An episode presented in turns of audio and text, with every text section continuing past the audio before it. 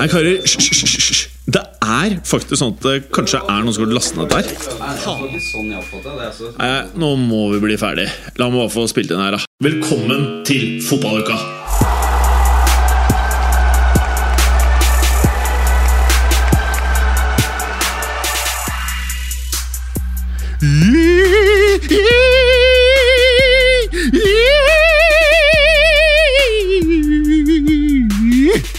Mitt navn er som alltid Jim Fosheim, og med meg her så har jeg Eh, Paul Thomas. Clay. Og Vemund Knutsen Storseth. Ok, bare Jeg endra hele introen, og alle bare så på hverandre og bare Hva faen det skjedde nå? Og med det her, velkommen til en ny episode av Fotballuka! Så Ja. Vi er jo så drilla i faste spillemønstre at når, du- når du slår en pasning ikke 45, men 60 grader, så skjønte ikke vi helt hvordan vi skulle opptre. Det er, det er, det er litt det. Det var ikke noe klopp over det jeg drev med nå. ass. Det var mye mer uh, Solskjær. Ja. Litt uh, random. Ja. Mm. Alt kan skje. Apropos det, hva gjør Solskjær nå? Er han helt uh, skadeskutt nå, eller? Gikk, gikk vel rykter om at han skulle til Aberdeen, var ikke det? Av alle ting. Ja. Det er nok sånn- litt mer på hans nivå, ja. Litt sånn mo motsatt uh, veien av uh, sjefen sjøl. ja. Nei, det Og sjefen sjøl, for de som ikke vet det, da, så prater du om sir Alex, ikke sant? for han var vel i Aberdeen først? Ja, ikke sant? Men han var hvordan var det? Var han først i Rangers, eller var han kun spiller for Rangers et par kamper, og så var han aldri trener? eller hvordan var det? Han var bare trener i Aberdeen, mener jeg. Eh, og der ble de jo seriemester òg, faktisk. Det er jo, bare det blir seriemester med et annet lag enn Celtic eller Rangers, er jo en Ja, ja, det er helt sjukt. Og så ble han eh, samtidig landslagstrener for Skottland, vel. ja, jeg, husker, jeg husker ikke jeg husker ikke helt det, men eh, Han, Men han, han og Jock Stein var landslagstrenere sammen for Skottland. det kan ja. Han og Jock Stein. Mm. Alt det der, der er jo dekket i den der Sir Alex Ferguson-dokumentaren, eh, som er veldig veldig bra. Eh, artig òg når du ser der Aberdeen-laget skal trene, så må de eh, måke bort hundeskit fra parken der de trener, før de begynner å spille. Det kan jeg like, ass. Det, Så det var liksom, det var ikke, De hadde ikke noe sånn skikkelig fasiliteter. De måtte måke ren parken fra hundeskit for å trene fotball. Det er noe annet enn det han avslutta med som treningsfelt. da. Når Det der relativt da i hvert fall moderne og nye character i sin tid. Ikke sant? Absolutt. Det er, Ja. noe, det er noe litt annet enn et sted hvor du måke hundedritt. Altså. Tror dere Pogba har måttet måke hundedritt før han har spilt eh, kamp? Nei, men han burde ha gjort det. Ja, han burde faktisk ha vært gjennom litt real life shit. han burde spise den. Det er det som er Og så bæsja han ut igjen, og så måkte han bort. Nei, nei karer. Eh, vi kan jo avsløre at vi sitter eh, på hvert Altså, vi gjør dette her over Google Meet, og det er flere grunner til det. En av de er jo for at eh, to og tre av fotballuka har covid denne uka. Jeg, jeg, jeg, jeg, jeg er en av Ja. Ja, Kan, de, utrolig kan, nok kan lytterne gjette hvem den andre er? Og utrolig nok så hoster du mindre når du har covid enn når du ikke har covid, du, Clay. Jeg burde ha mer virus i kroppen. jeg. Jeg har for lite virus i kroppen. Du har for lite, og så har jeg covid-19. Coronavirus in the body. Altså, det, det, jeg har jo testa meg veldig mye, fordi jeg må teste meg i forbindelse med jobb. og sånn. Um, Så jeg har testa meg i huet, og ikke i ræva, men i, i munnen. da.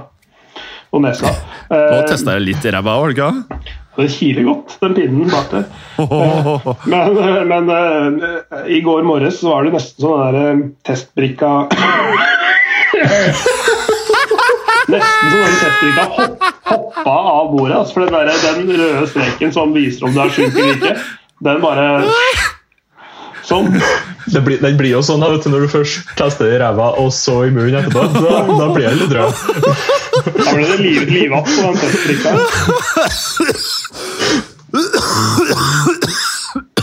Ja, Det blir litt hosting her i dag, og jeg kan love dere som hører på at det ikke er fra Trondheim det hostes i dag. Nei. Der er de så friske at Ja. Ja, Du har fortsatt ikke hatt noe covid-19, du, Vemund? Nei, ikke som jeg vet av, i hvert fall. For så da kanskje ta en test på direkten her, bare for å ha litt artig.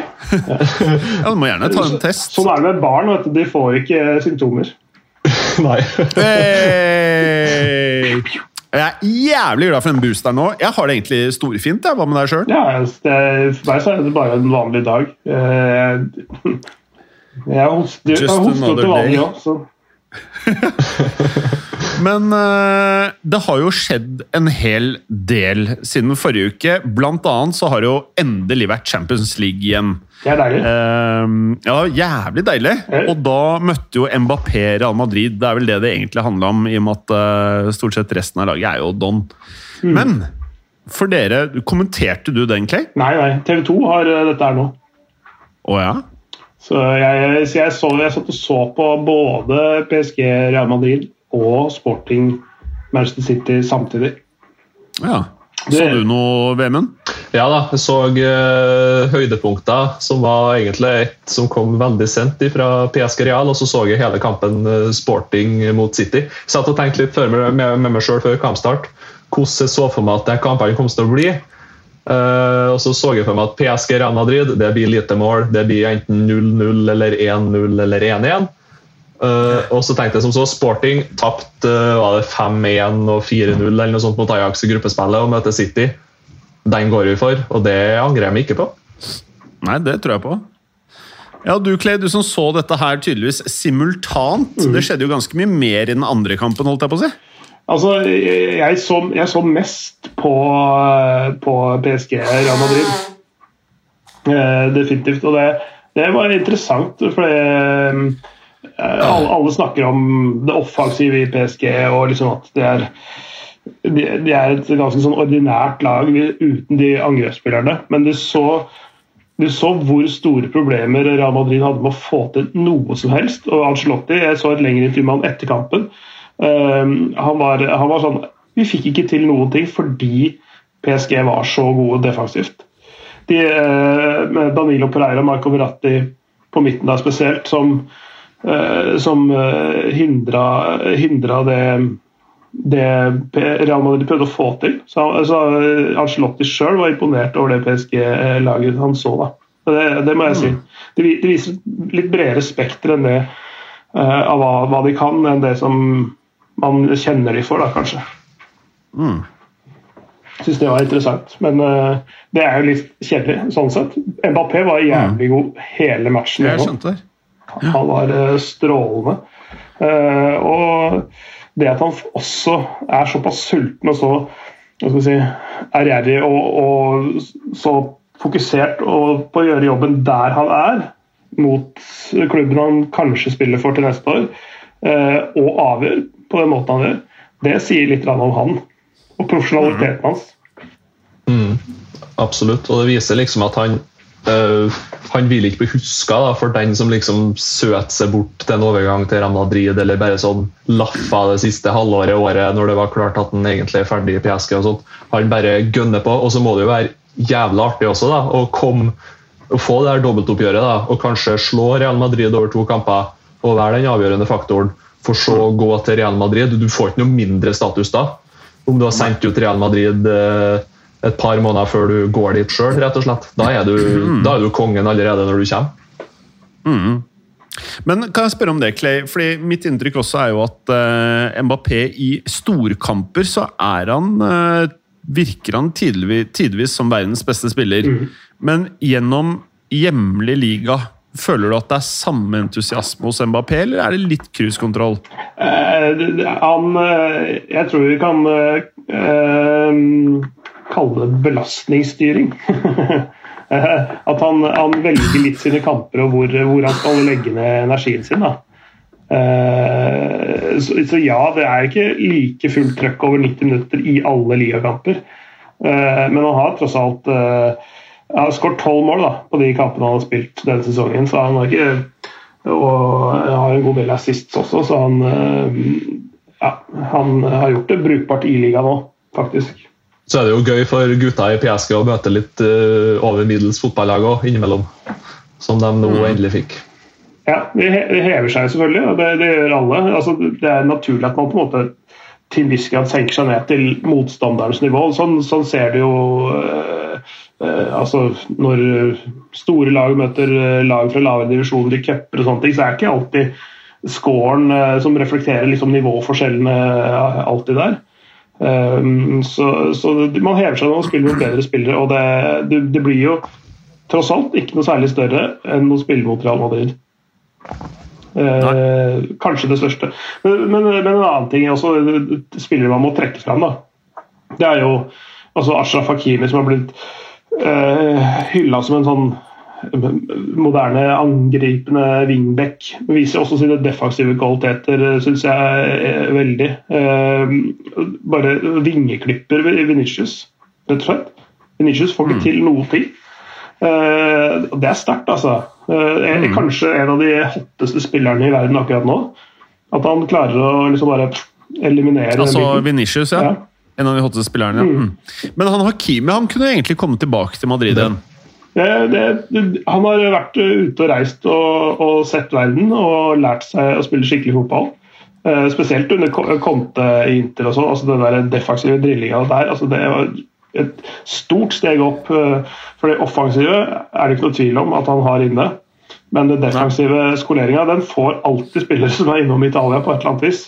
Uh, vi har snakka om det mange ganger før, og vi ser det jo nå i hans tilfelle òg eh, verdifull erfaring å ha et år eller tre i Italia på klubbserien sin. Altså. Mm, tatt store steg siden ja. han var et talent rett og slett i Real Madrid til å være en ja, mer en wing enn en wingback egentlig i Dortmund. Til å bli en uh, mm. komplett spiller i, uh, eller en komplett mm. back da, i Inter og nå i PSG.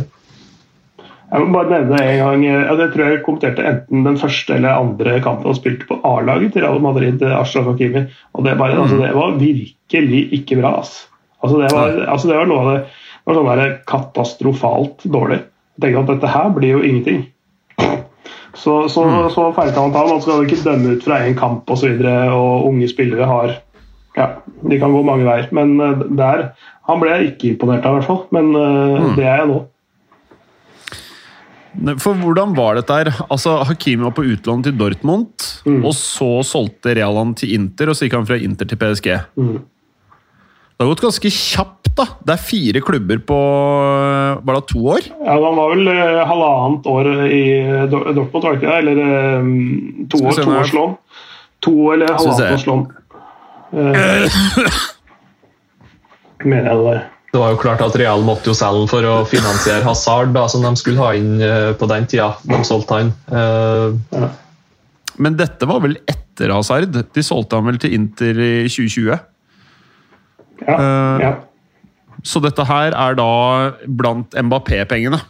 Så det, alle, alle, disse spillerne her ble solgt for å finansiere Haaland Mbappé. Han, ikke, kanskje da, han gikk sikkert på lån til Dortmund den sommeren da de chippa ut ja, altså gikk, Hermoso og de gutta der. vet du? Nei, Lorente, mener jeg. I 18 så gikk han til Dortmund, mm. og så var han vel der til 20. Eh, ja. Kom tilbake igjen Snarvisitt Real, så var det rett til Inter for en sykt bra pris for Inter. var det 40? Ja, jeg tror det var 40 euro ja, som cirka han gikk for til Inter til Inter, ja, men så tror jeg det var mer altså, det var, 70 ja, når han gikk til PSG. Ja.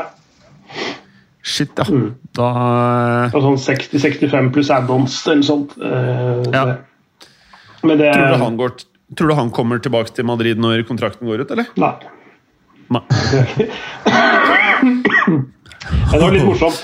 Det er, jo, det er, jo alltid morsomt å følge spansk sportspresse. og, og, og de, er, de, jo, de, forteller jo historier eh, og rykter med utgangspunkt i sitt ståsted. Og de er jo ofte klubbrelaterte eller har veldig gode kilder i én spesiell klubb ofte. Uh, og nå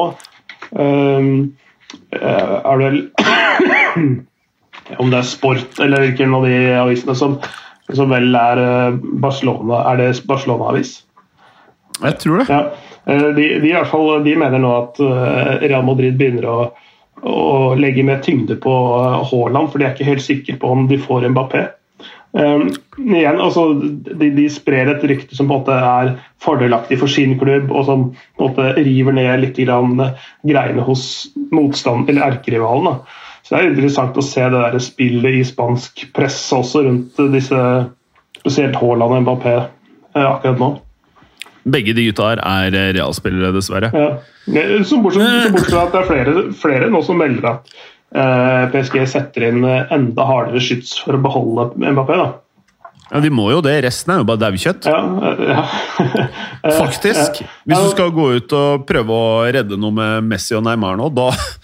Det er nye Juventus, Neymar, der. Neymar var ute skada ganske lenge, og så kom han inn og var eh, direkte avgjørende. Han setter jo opp uh, Mbappé på den skåringa med et hælspark, blant annet. Så, så Neymar er bra.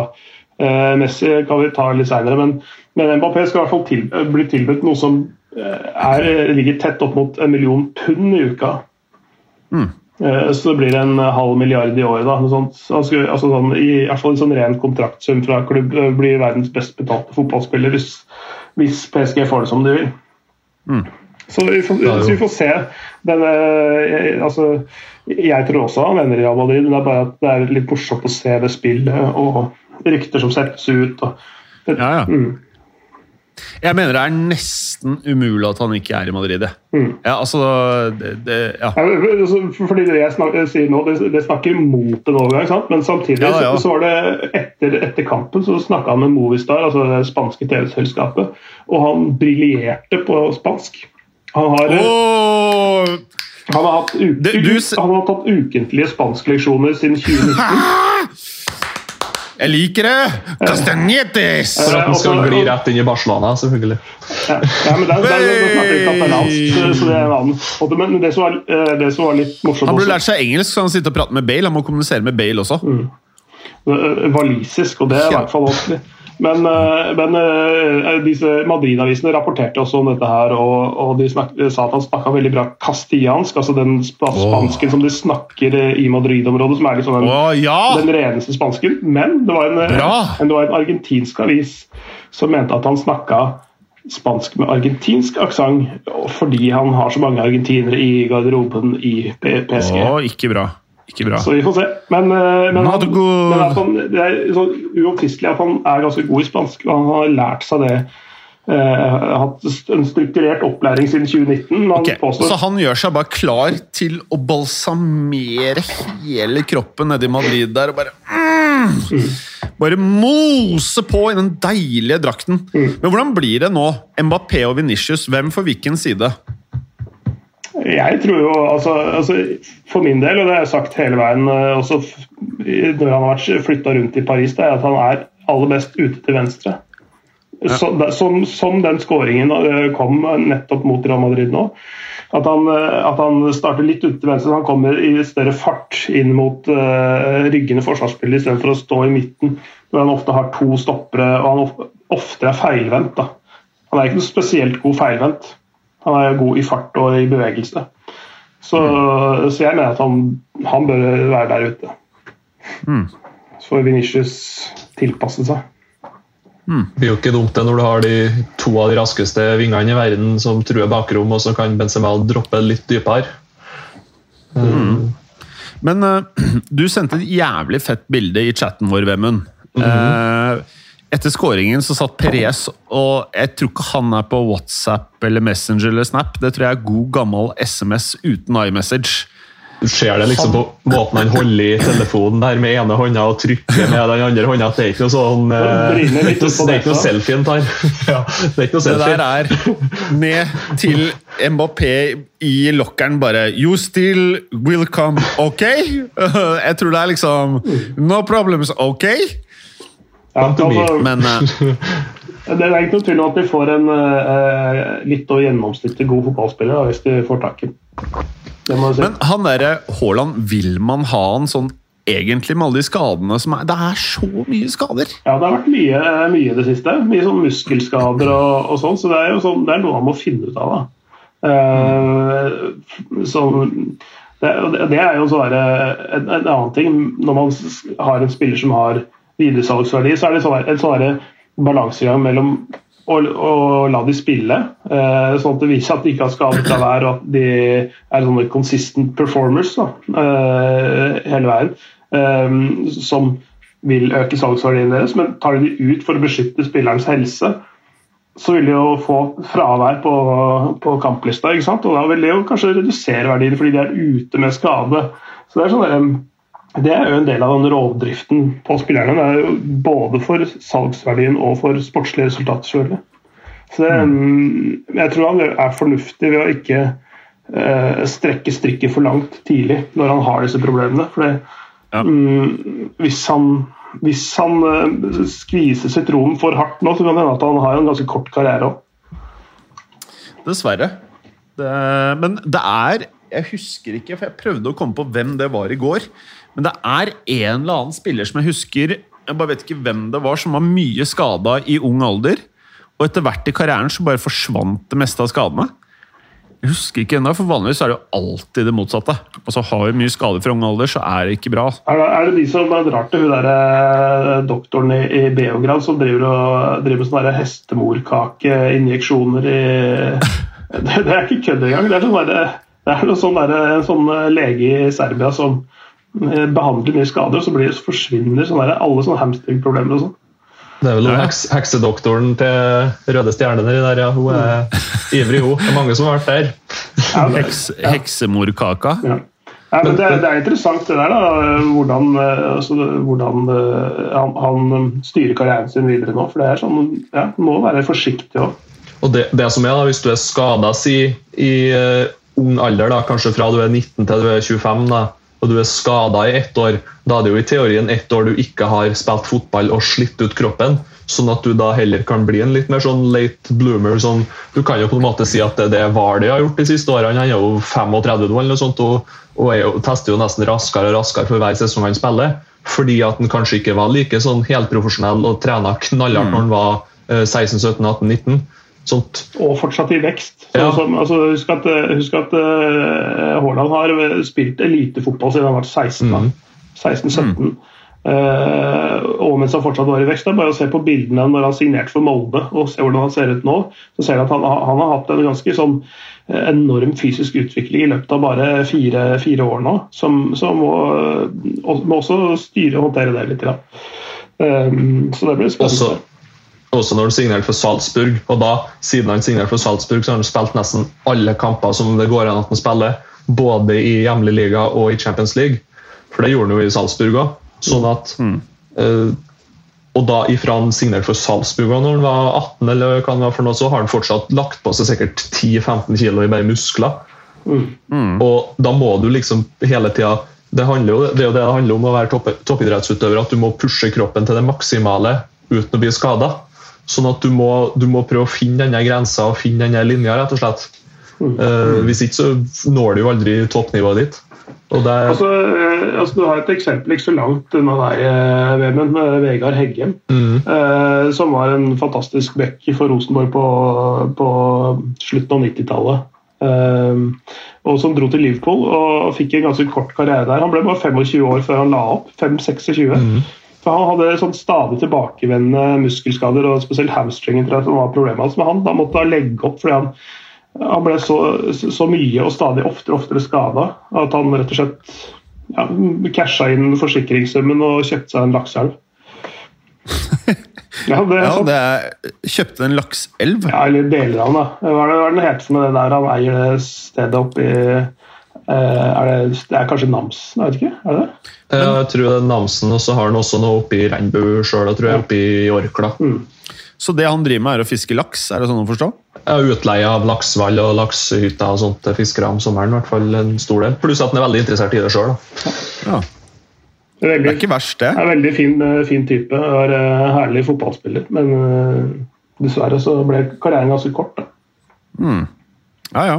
Men uh, bare avslutningsvis, så vi kommer oss videre her. Messi. Ja. Eh, som vi har sagt før, eh, det er mange som eh, sier at han eh, er, er done, og det kan hende det kan hende at de har rett i. Men jeg, eh, altså, som, som jeg også sa i en tidligere episode, når Messi går rundt på banen, så, så går han ikke, han, går, han tenker. Ja. Eh, men det er, det er en litt sånn flåse. Ja, tror du det, eller tror du han bare at de, han ikke har den kapasiteten? At han ikke tenker så mye, at han bare går rundt og så tenker han på det kona sa til før match? bare sånn You have to run, Lionel! Run when you get the ball! Nei, men- Try to score! Eh, jeg tror faktisk han er så fotballnerd at han går og tenker fotball hele tiden. Eh, Det tror jeg. Ja, det tror jeg. Eh, Men, men han er jo ikke den spilleren han en gang var. Han har ikke kapasiteten som han hadde. Det har tatt tid å få han integrert i et nytt lag, i et nytt land. Husk at han flytta hjemmefra fra Rosario til Barcelona da han var 13. Nå er han i 30-åra. Uh, altså 21 år seinere flytter han til et helt nytt land, nytt språk, nytt språk, barna skal begynne på ny skole. Familiekjær mann, ikke sant? Så for han så betyr jo det at familien har det bra veldig mye og sånn, så, så, at det har tatt tid, det, det, det, er ikke overraskende. Men at det, at det, har tatt så lang tid, trodde kanskje ikke de fleste. Uh, litt for få mål, men han viser jo at altså Real Madrid har såpass respekt for ham at de tar hensyn til ham fortsatt. Mm. Um, og innimellom så hadde han jo noen ganske saftige stikker igjennom som, uh, som det ikke er hans feil at andre ikke scorer på. Han har blitt litt mer tilrettelegger enn scorer sjøl og sånn. Litt posisjonelt endra seg litt fra det han hadde i Barcelona i velmaktsdagene. Men um, ja, en annen spiller, men han er ikke ferdig helt ennå. Men uh, jeg bare liksom Jeg føler at Messi er et eksempel på det her. be careful with what you wish for. liksom da. Mm. Jeg tror eh, Hvis han hadde gjort litt sånn som de andre gutta på laget i Barcelona, bare liksom kunne gått litt ned i lønnen nå, nå er jeg hadde heller ikke blitt overrasket om han dro tilbake til Barcelona. Jeg har faktisk tenkt litt på det. Mm. Eh, at jeg tror det beste for alle er at han er i Barcelona, men ikke på de lønningene han har hatt. Nei. Altså Han har basically kalva hele fuckings klubben. Ja, det er det. Det. Og det, det, er jo liksom uh, hva er det som, Hvilke mekanismer er det som er i spillet? Er han så grisk? Det tror jeg ikke. Men, uh, men, men, det må være noen krefter rundt han som gjør at uh, Hadde du spurt han, så hadde han sikkert gjerne spilt i Barcelona fortsatt, men så er det noen krefter rundt han som, som trekker Jeg tror kona bestemmer alt, det. Jeg tror ikke han liksom jeg tror han løper rundt med sånn labrador med barna, og så går han på trening. Har han en sånn, en sånn Wanda er søstera til Wanda, eller? Som eh... ja, ja, det er nok. Du skal ikke se bort. Ja. Men eh, Kanskje det er Wanda. Mm. Wanda er infiltrert der òg. Ah. Nei, men, ja, men, ja. ja. men Jeg tror ikke det hadde vært feil.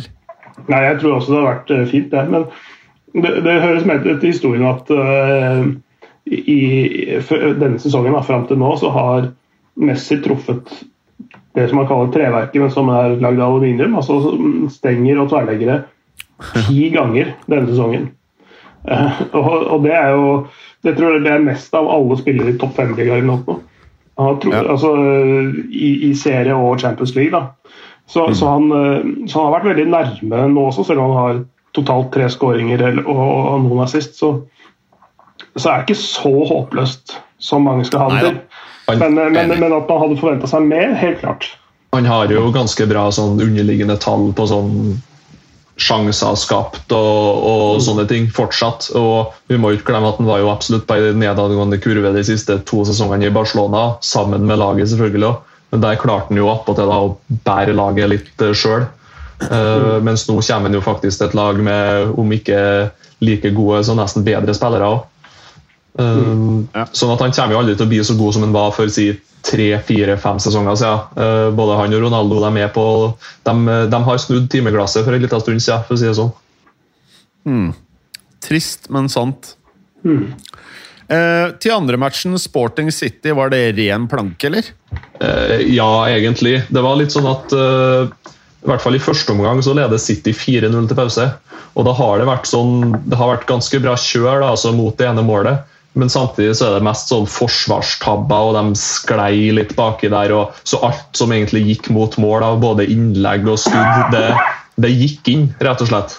Uh, og så virker det som ja, vi har kontroll på det her, og vi triller bare litt ball i andre omgang egentlig, og satte inn et mål til der. Uh, så det var grei skuring. Litt overraska faktisk over at det var såpass, men samtidig så tapte jo Sporting med samme sifre mot Ajax i gruppespillet òg. Så det var litt som forventa. Så, så er det et eller annet Når du møter eh, Manchester City som et sportinglag, så vet du at du er underlegen på alle måter. og Ingen forventer noe av deg. Du, du, går til kampen med en kampplan, og du liksom Ja, den har vi sånn middels troa på. Og, og, tenker at ja, vi får i hvert fall gi det et forsøk, da. Eh, og så får du en i fleisen etter sju minutter. Da er, det, da er, det, ganske tungt. Altså. Når du vet at det er eh, mer enn 80 minutter igjen av denne kampen, og du skal spille 90 til borte i Manchester. Det er, blytungt. Og liksom da begynner det å renne inn der eh, mål etter 17 minutter, 32 minutter og en rett før pause. Det, er, det, er sånn, det blir en sånn mental knekk. da. Det er sånn at du blir for uh, sånne treffere av uppercuts og det ene og det andre. To tette og badette. Og de, de var jo bare svimeslått, på en måte. Sånn som jeg så det. Ja. Men er uh, City er vel videre, eller? Å ja. Ja, bankers. De, de, var, de, var, de, var, videre etter et kvarter, det tror jeg, den matchen der nesten. Altså, etter det andre målet, da, etter, de skårer 2-0 etter 17 minutter, så, så, er det jo i praksis videre. For du veit at sporten kommer ikke tilbake fra dette her. Uh, er Liverpool også i praksis videre, eller blir det match? Det tror jeg er eh, Det kommer litt an på kamputviklingen. Det tror jeg kan bli eh, mye mer spennende. Det, det skal, skal vi ikke ta for gitt, altså. Eh, Men i går spil, spilte de i Milano, eller ja, Liverpool? spilte i Milano. Ja, og da er det ikke optimalt å tappe 0-2? Ja, det har ikke så mye å si lenger, med tanke på bortemålsregelen fins jo ikke lenger. Nei, så, så, det, så, det, er ikke så, så viktig. på en måte. De, de holder, Når ble den borte, egentlig? Denne sesongen. I fjor? Ja, altså denne, det... Til denne sesongen her, vel. Okay. Ja, ja. Nettopp. Så øh, så noen uh, Så da er det egentlig bare hjemmebane- bortebane-fordelen liksom i form av publikum og ja. ja. Uh, så, så, det har ikke så mye å si. Uh, og ja, Inter de har et sterkt lag. De, de, de, sleit litt med det, som man kaller sluttproduktet. De, var, de har jo bare en expected goal på 0,48 VM, jeg snakka om det før sendinga. men de var nærme å få ganske mange avslutninger. Altså det var sånn at De spilte sånn relativt bra og de ga Liverpool en solid fight eh, lenge. Så er det litt sånn tilfeldigheter at eh, Liverpool tar det til slutt. Kanskje. Nå har jo de for vane å skåre mål mot slutten også, så det er ikke, sånn, det er ikke helt tilfeldig. Men, men Inter kan være en match hvis kamputviklingen går rett vei. Da. Så den er ikke, den er ikke over. Jeg føler liksom kanskje at Inter det de mangla, var den der skikkelig fantastiske avslutteren i en spiss i går. altså.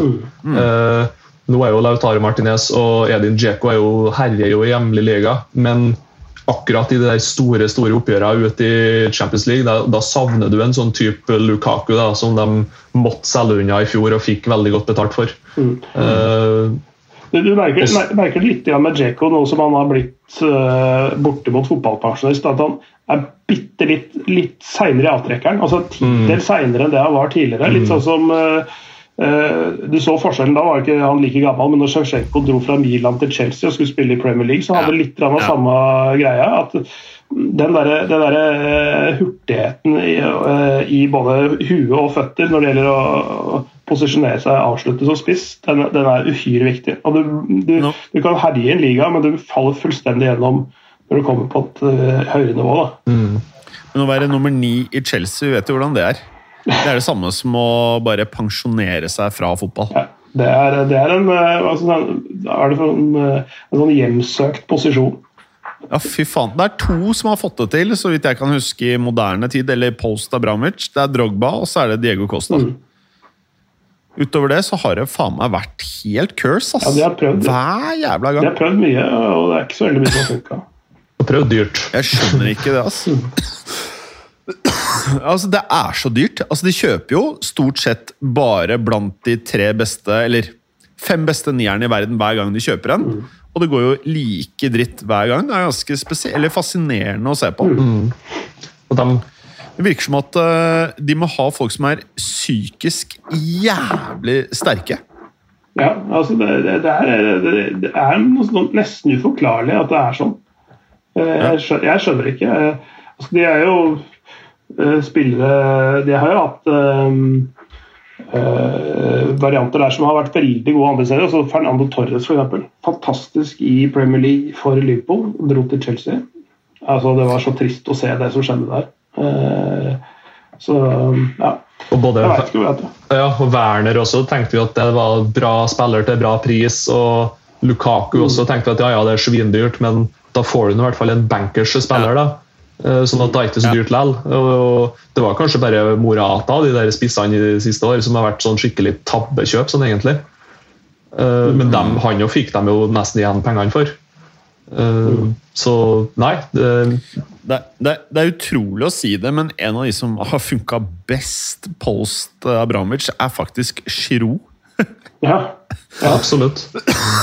Og det er ganske sykt å melde. Men husker dere Anelka? Han funka som faen! ja, bra, da. Ja, jeg vet ikke om man kan kalle han en ren nier, den rollen han hadde i Chelsea, men eh, han var jo på en måte spiss. Mm. Uh, men men uh, samme av det. Jeg tenkte bare Før vi går videre, bare sånne referanser. Jeg leste noe spennende fra Aguero her tidligere i dag. Eh, for han er, har dere fått med dere at han er jævlig sint på franske medier fordi de har kritisert Messi? Ja, sånn det. Og han, og han, det, han det virker som han mista det litt. Mm. For han hadde snakket med noe som heter Twitch. Jeg har Eh, hvor sin egen Twitch-kanal. Altså, en sånn, Ja, ok. Livestreaming. Okay, så det er okay, ja, du streamer gaming og sånne ting. Å ja, så han er uh, nerd, ja. Mm. Ja, men det er bra. Eh, uansett så sa han Leo played well. He broke lines. I'm not saying that because he's a friend, but because he played hard. He was good and very active. Also, In France, magazines and newspapers killed him. They are assholes. I had an interview scheduled with a French magazine, but I said no.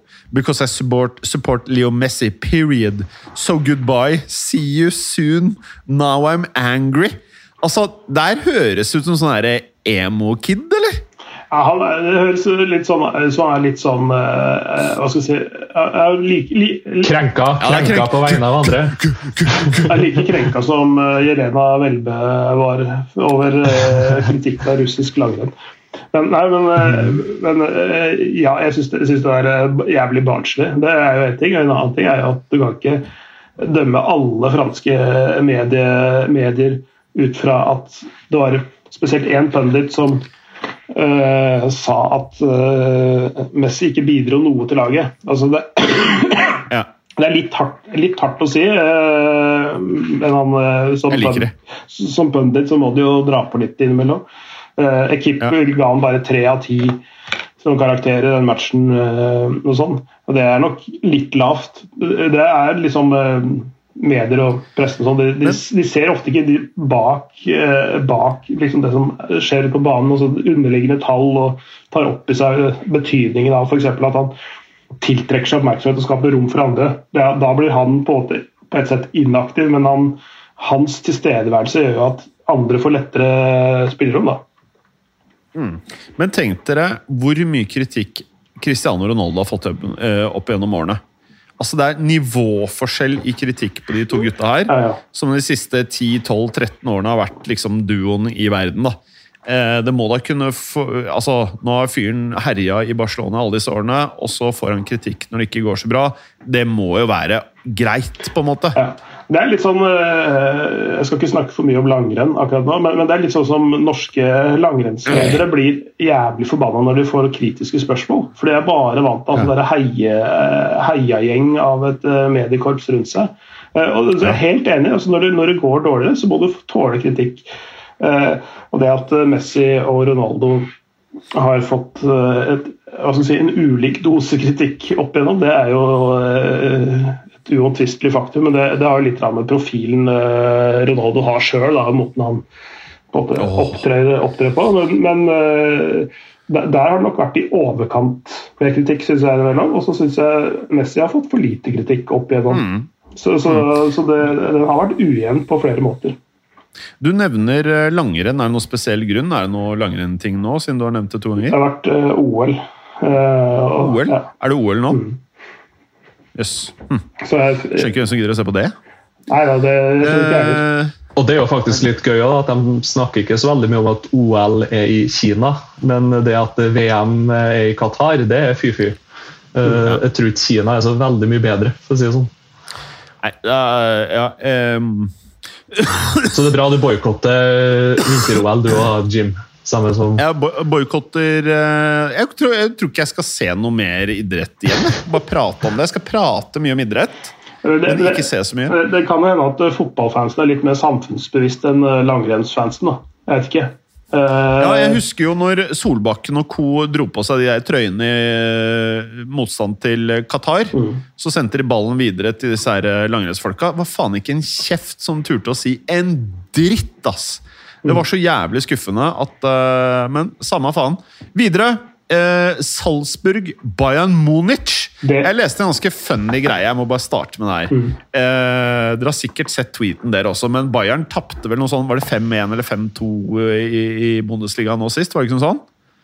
Ja. Og så var, det, 5-2. ja, var det en eller annen sånn jævlig Det er jo mye funny folk på Twitter. altså De som ikke er aggro, er jo ofte litt morsomme der inne.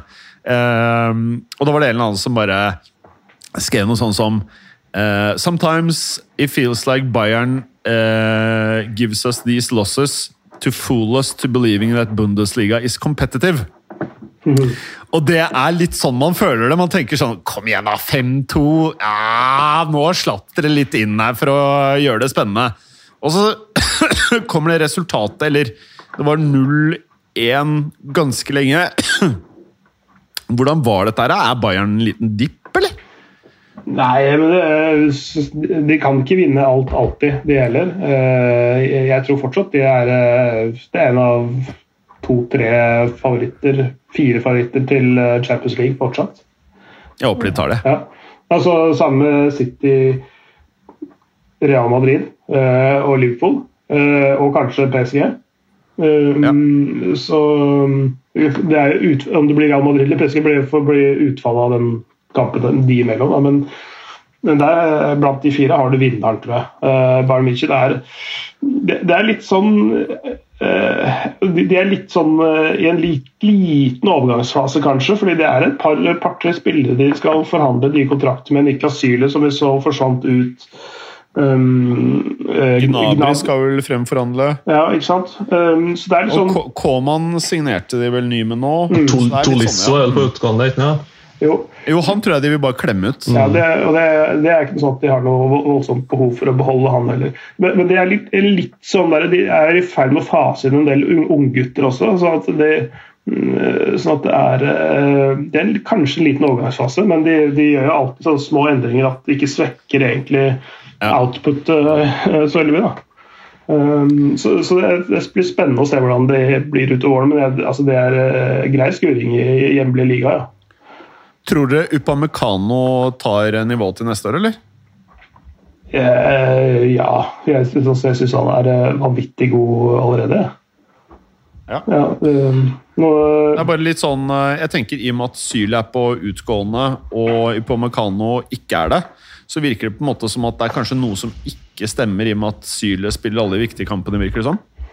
ja, det kjenner ikke jeg til den fysiske situasjonen til Upamecano. Det kan være at det ligger noe der, at, han, at de velger å ikke bruke ham av den grunn. Og at, og at Salzburg blir sett på som en sånn litt mindre viktig kamp akkurat nå.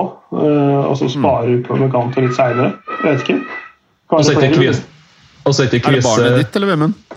Nei, det har ikke kommet til eller produsert i det hele tatt ennå, så det er nok en annen en. ja. Det er arvingen. Det kan jo være at jeg spiller med Syla vet du, i sånne kamper i håp om at han skal bli skada, siden han allerede har signert. Sånn at uh, Bayern uh, Logic Nei, kampen i og for seg var jo egentlig ganske sånn litt sånn Salzburg uh, rett og slett kjørte over Bayern i første omgang. Og bare sprang i hjel dem, rett og slett.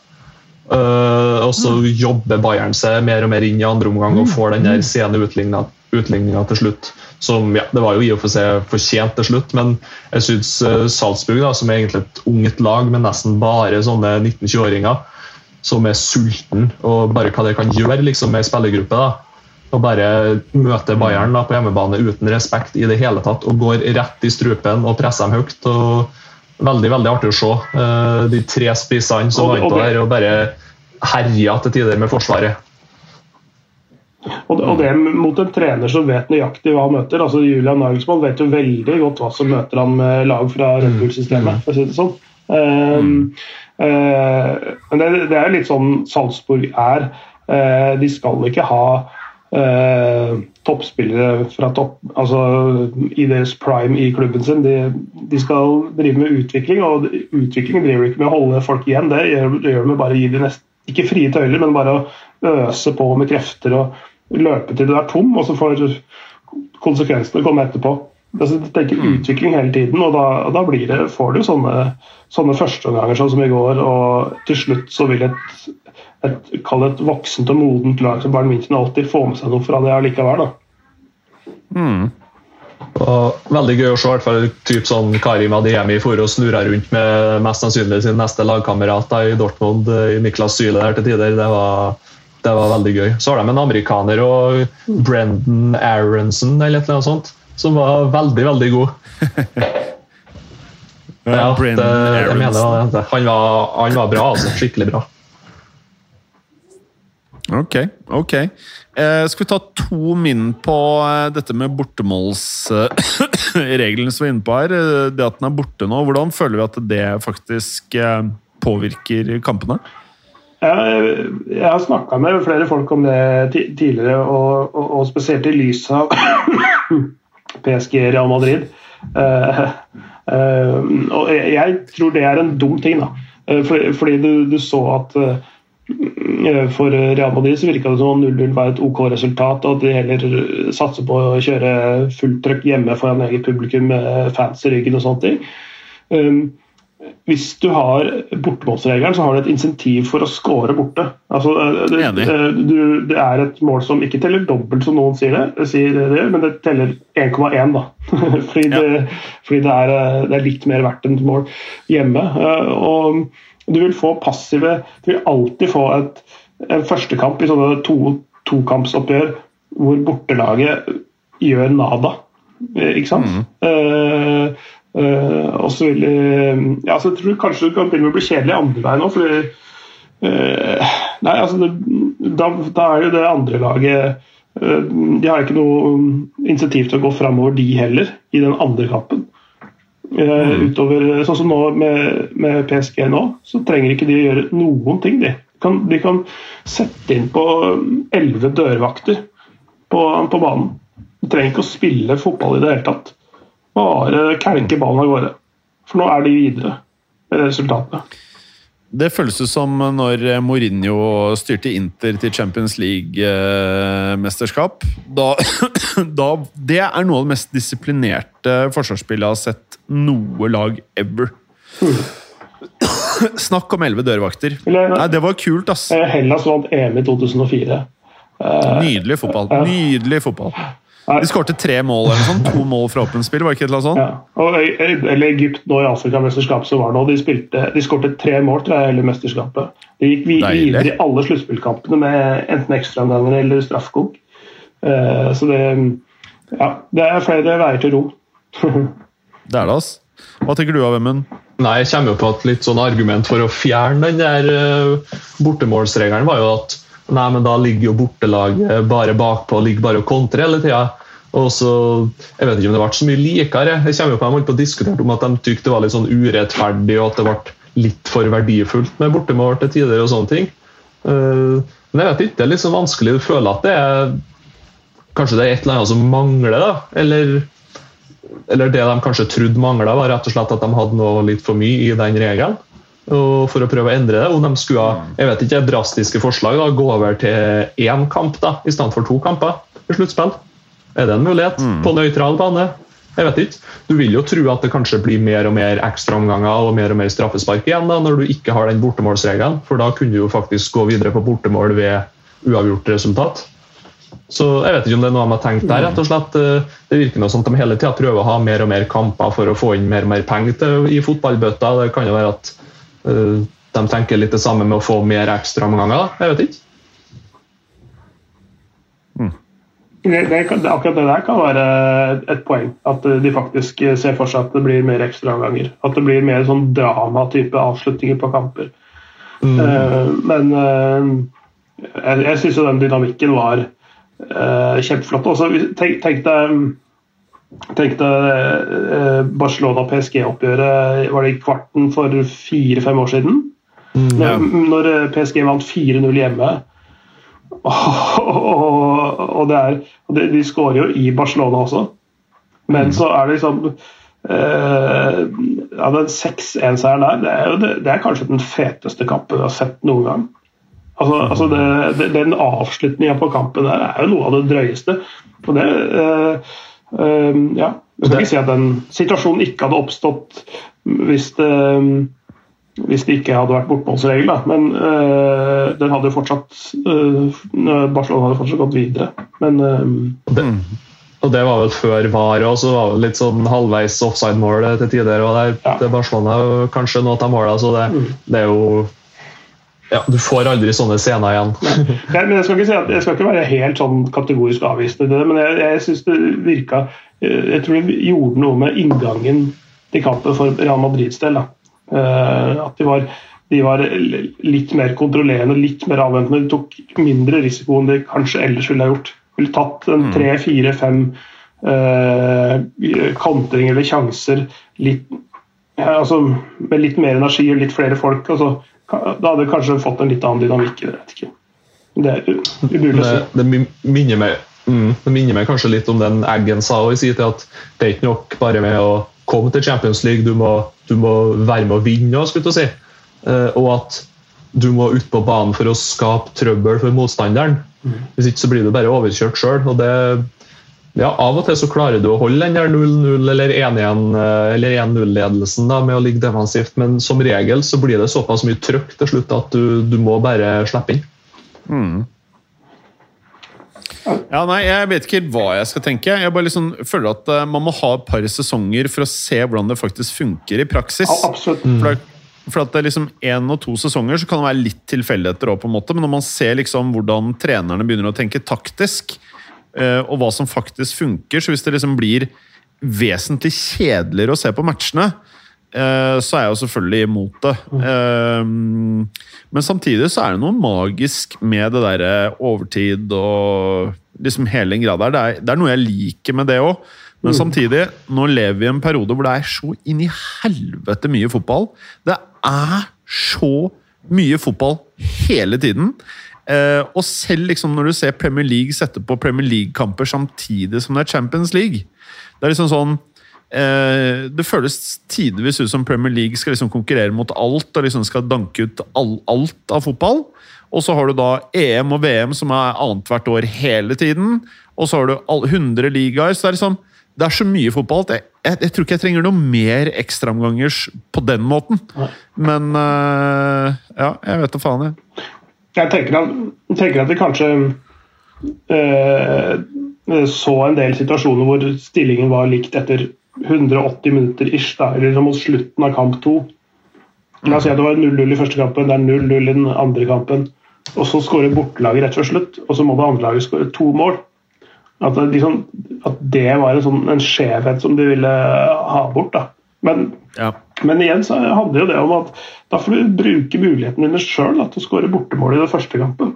Altså det, er- det, det, er jo, det er jo derfor den er der, for å skape Den kom i utgangspunktet var jo fordi at du, du, ville, du ville ikke ha et bortelag som la seg, men at du ville ha offensiv fotball. Ikke sant?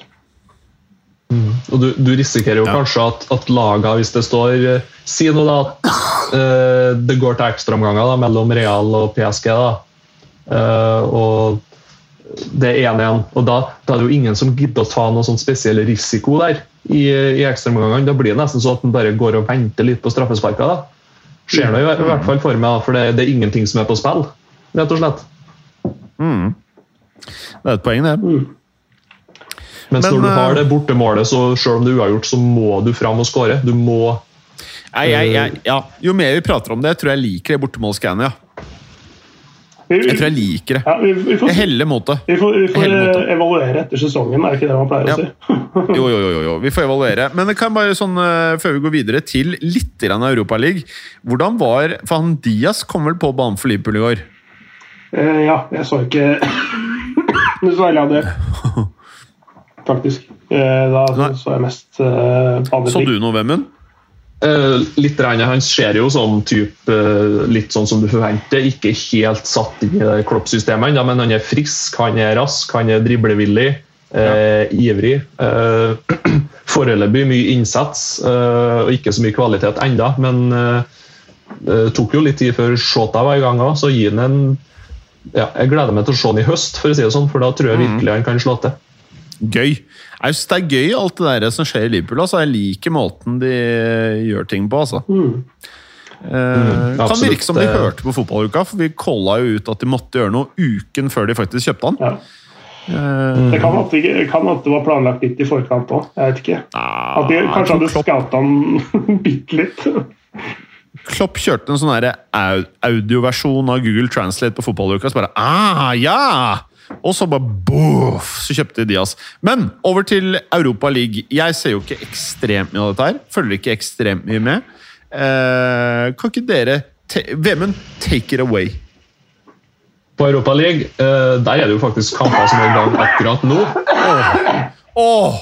Der Og det er veldig bra Clay. at uh, Clay ikke kommenterer noen av de kampene i kveld. Uh, Skulle du egentlig kommentert, Clay? Ja, det skulle jeg gjort. Jeg skulle egentlig hatt uh, Sevilla Dinamo Zagreb, og så var det en eh, kollega som fikk eh, eh, covid-19.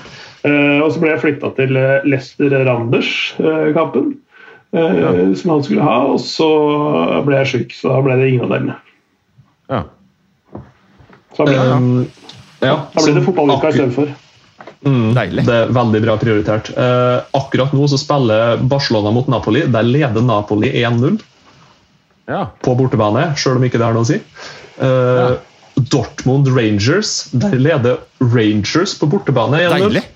Eh, Deilig. Hvem er det som trener det igjen? Er ikke det, hvem var det? Giovanni van Bronckhorst. Ja. Har Rangers en bra årgang nå, eller? Ja, litt Rangers rykka ned, ikke sant? Fordi de ble tatt for masse snusk. Og så er de oppe igjen og liksom er best i Skottland igjen, eller? Ja, altså de vant jo serien i fjor, da. Eh, Det, Ja. det tok uh, altså Steven Gerrard tre år uh, å få det til. Um, altså de, de, de ble Det er en litt sånn omfattende historie, men de ble jo tatt for skattesnusk. og så ble, ble på en måte egentlig Klubben gikk konkurs. De måtte starte på bånn igjen i systemet på nivå tre eller hva det var for noe, og så jobbe seg oppover.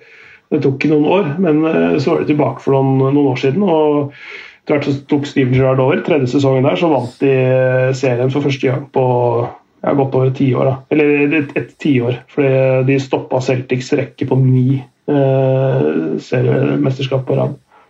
Eh, altså, de har noen spennende spillere, og så er det noen sånn ja, spillere som ikke kommer gjennom i Liverpool. Er Spillere som ja, Noen er på vei opp og fram, og noen så er det sånn hylle to og tre og fire eh, i europeisk fotball. Da. Sånn, mm. men, eh, men egentlig et ganske artig lag. Celtic er også et bra lag, da, så det, det er morsomme kamper imellom. Det, de, de er ikke like, men de står godt til hverandre, så det blir kule kamper.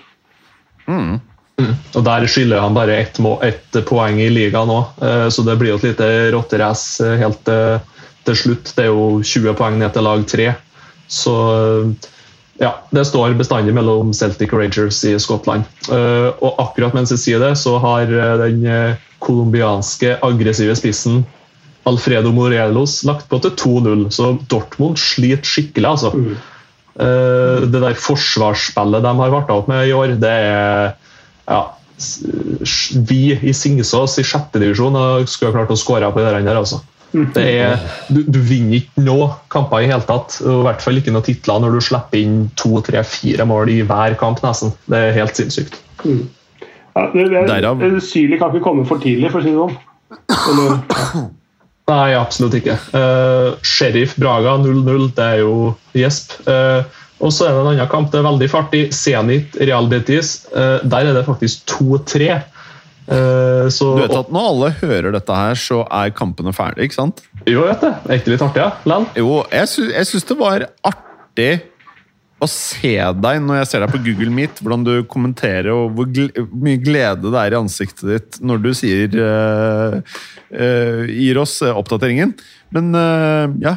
ja, ja, ja, fortsett. Bli, fortsett. bli ferdig! Bli ferdig. Nei, nei, nei, nei, nei. Fortsett. Jeg likte det. Jeg vil bare at lytterne skal forstå at vi forstår at de forstår at resultatet er klart når de hører det. Men fortsett. Hvis du er litt, litt kjapp med å legge ut podkasten, så hører jeg det her i pausen. nå, ikke Jeg er ikke, jeg er ikke produsent, vet du. Men den kampen alle gleder seg til i kveld, det er vel fort eh, Celtic mot eh, Bodø-Glimt. Eh, Hæ? Hvem gleder seg til det? Nei, gjør du? I hvert fall jeg. Ja, ja, Å, fy faen, jeg skulle hatt mye for å se på den, ass. Å, fy faen, det må være kjedelig. Åh! Celtic hjemme på Celtic oh, Park, det, det er ikke feil, det, altså. Uh, gøy å se hvordan eh, Bodø-Glimt ligger an rett og slett med, med etter den, alle de spillerne de har solgt, og hvor bra egentlig det laget fortsatt er. Det er jeg veldig spent på. Og du, Clay, er det noe du hadde sett på, eller? Eh, ja. Uh, jeg, jeg har tenkt å, å se på det, men jeg tror, ikke, jeg tror jeg kommer til å ha det på PC med lyden av hvis jeg ser på noe annet. Uh, så jeg har det som sånn der, eh, s- s- Skal sideshow. se Ozark sesong 4 del 1 med lyd og Bodø-Glimt Celtic uten lyd på mobilen ved siden av. Ja, noe sånt. Har dere sett Ozark, eller? Har ikke det. Å, fy faen, det er fett, ass. Netflix. Hvor det går an, altså, bare sånn Åh, nå kommer det et barn! Åh, Eh, Fødsel ja. eller fotballuka. Eller fødsel er vel ikke, men det er kiden til Clay. Hallo! Du må si noe. Hallo! Hallo! Hva er det? Det er farlig å prate. Det er masse forskjell. Si fotballuka! Si fotballuka! Si fotballuka! Si fotballuka. Jeg det deg om noe. Jeg sa be oss om fotballuka.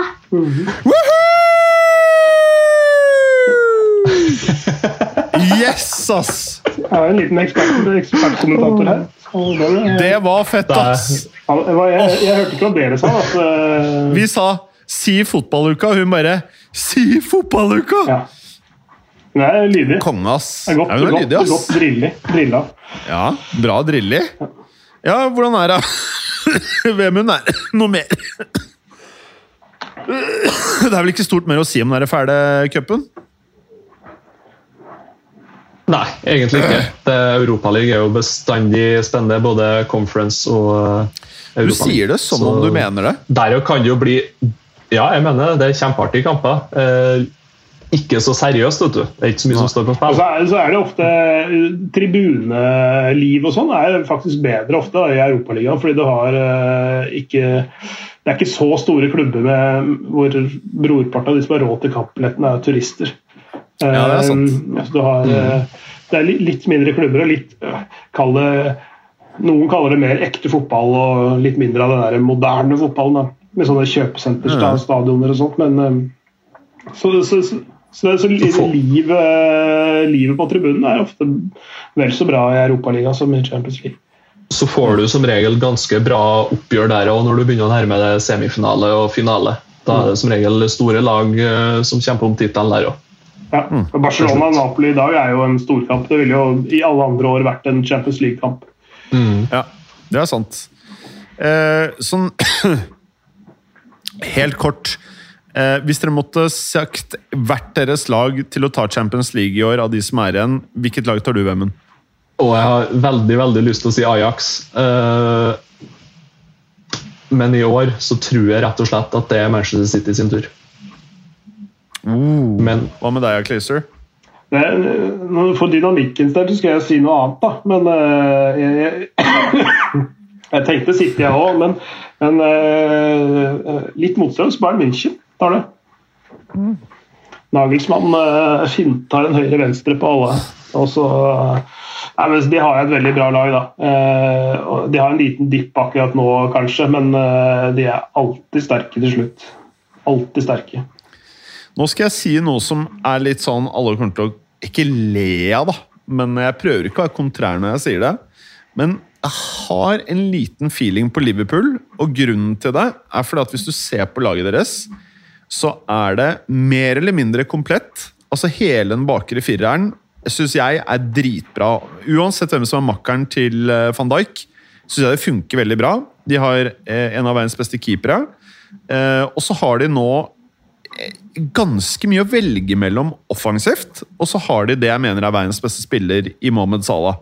Og som regel det laget som har verdens beste spiller, hvis du i tillegg har en gruppe med spillere som funker bra, som har vært mange år sammen, og du har en steinbra trener, et, det vil alltid for meg være favoritten. Og City har masse bra spillere. Jeg syns alle er helt like. Eh, Plutselig så er det tre midtstoppere som spiller, eh, og han ene er back, og liksom bare alt er likt.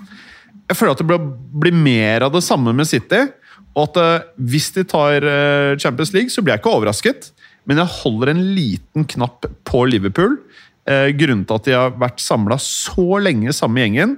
Og så er det lite minus. Det er, det mangler én Vinaldum-spiller på midten. Men bortsett fra det så mener jeg det er mer eller mindre komplett lag, gitt at alle er skadefrie. Ja, det er, jeg ser absolutt den. Eh, men det, det, det er nettopp det som er så spennende her nå. Det er flere som er i den der bracketen der. Eh, Flere gode, solide lag. En av de tre pluss vinneren av Real Madrid-PSG. Av de fire så tror jeg du har vinneren. Uansett. Ja. Og så og så er det noe med det der eh, som jeg håper vi kan se i Salah i år. Det året her og de neste to sesongene, det er de tre sesongene Salah har nå til å virkelig bli husket for å være en av de aller, aller, aller beste spillerne siden år 2000. Eh, og han kan nærme seg Jeg sier ikke at han er i nærheten av Ronaldo og Messi, men han kan være i liksom samme Kanskje ikke sfære engang, men på naboplaneten. Han er, han er på naboplaneten på en måte hvis han over de neste tre årene viser at han er en vinner, og at han kan ta lag til eh, å rett og slett vinne trofeer. Og jeg tror Hvis Liverpool ikke tar Premier League, hvilket jeg ikke tror de gjør, så tror jeg de kommer til å satse 100% på Champions League. Og prioritere det maks. Det kan man jo egentlig også og- så må han få, må han få gullballen. da. Det må han jo få nå, tenker jeg. Ja, men det er så Ja.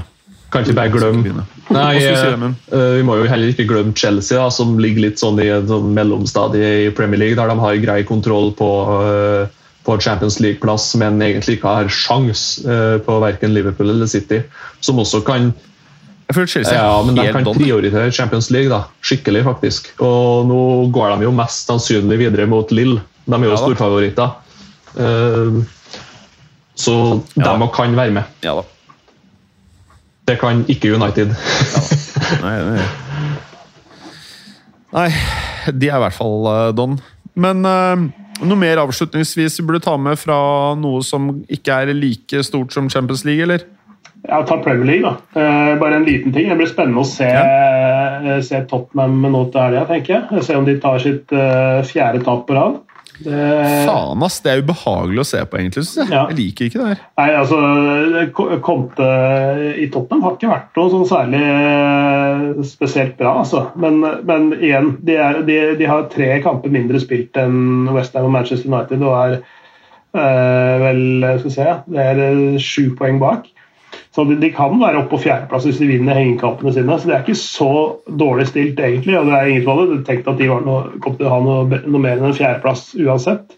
Men de må jo begynne å vinne, da. Eh, Det er jo litt av nøkkelen. Ikke tape, tape så mange kamper altså, sånn, sånn, som, sånn som det de har gjort. Um, og Det er ikke noe lett motstander de har heller Det er, det, og Det er uh, ingen ringere enn Manchester City i Manchester. Så den er på kan vært litt sånn murring i Tottenham òg, egentlig. Conte ikke helt fornøyd med det der eh, januarvinduet. Virker som at han eh, skylder litt sånn på klubbfilosofien, at de henter inn unge spillere, og da får ikke vi resultat med en gang. og litt sånne ting, Så be- begynner å murre litt der allerede. Ja. Ja. Fire, kjøpte to. Uh, altså, sånn, ja. Altså, han, eh, han har begynt med den bjeffinga som han vanligvis begynte med etter et år, halvannet allerede. Eh, og det er jo, lover jo ikke bra. Han stikker vel til sommeren, han vel?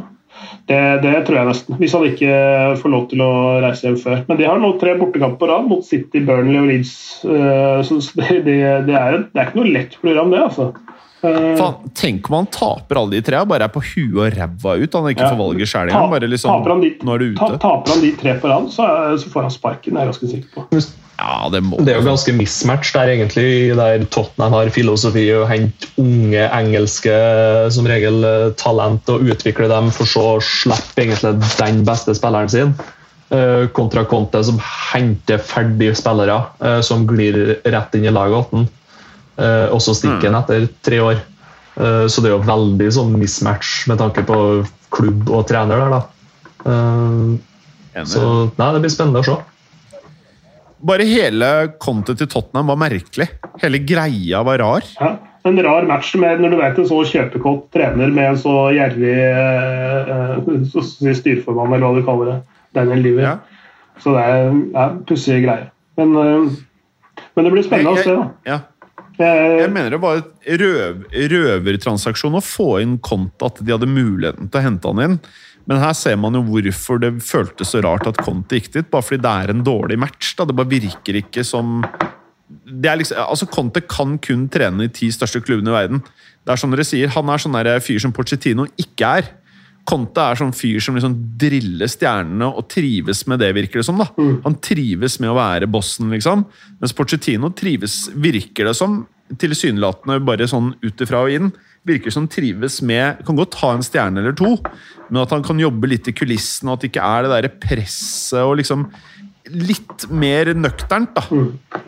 Ja, du skal, skal ikke se bort fra at eh, PSG og Tottenham bytter trener i sommer.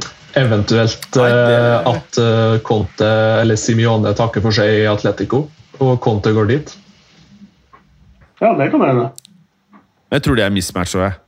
Jeg, vil ha, jeg, jeg vil ha Pochettino til United, vet du. så da kan ikke kan han gå tilbake til Tottenham.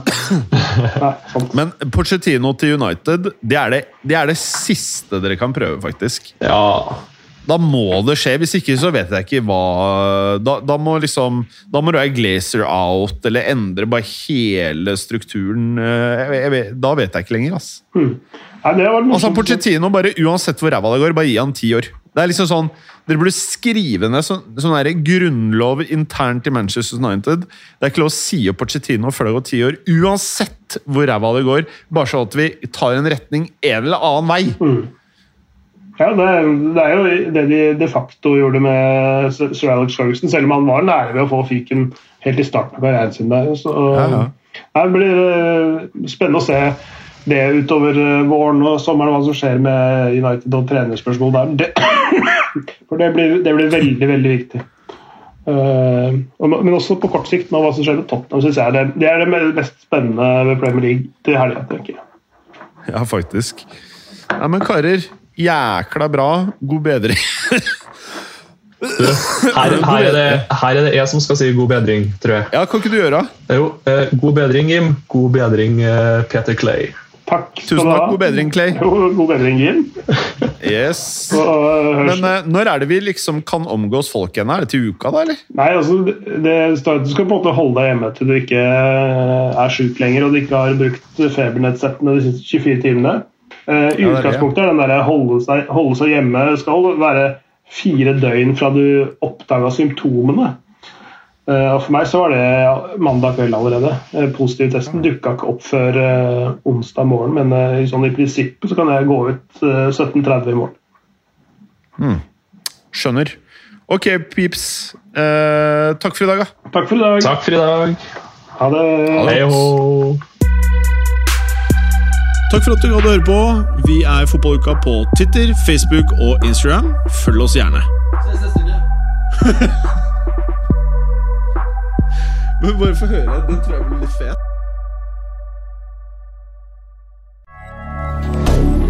Moderne media.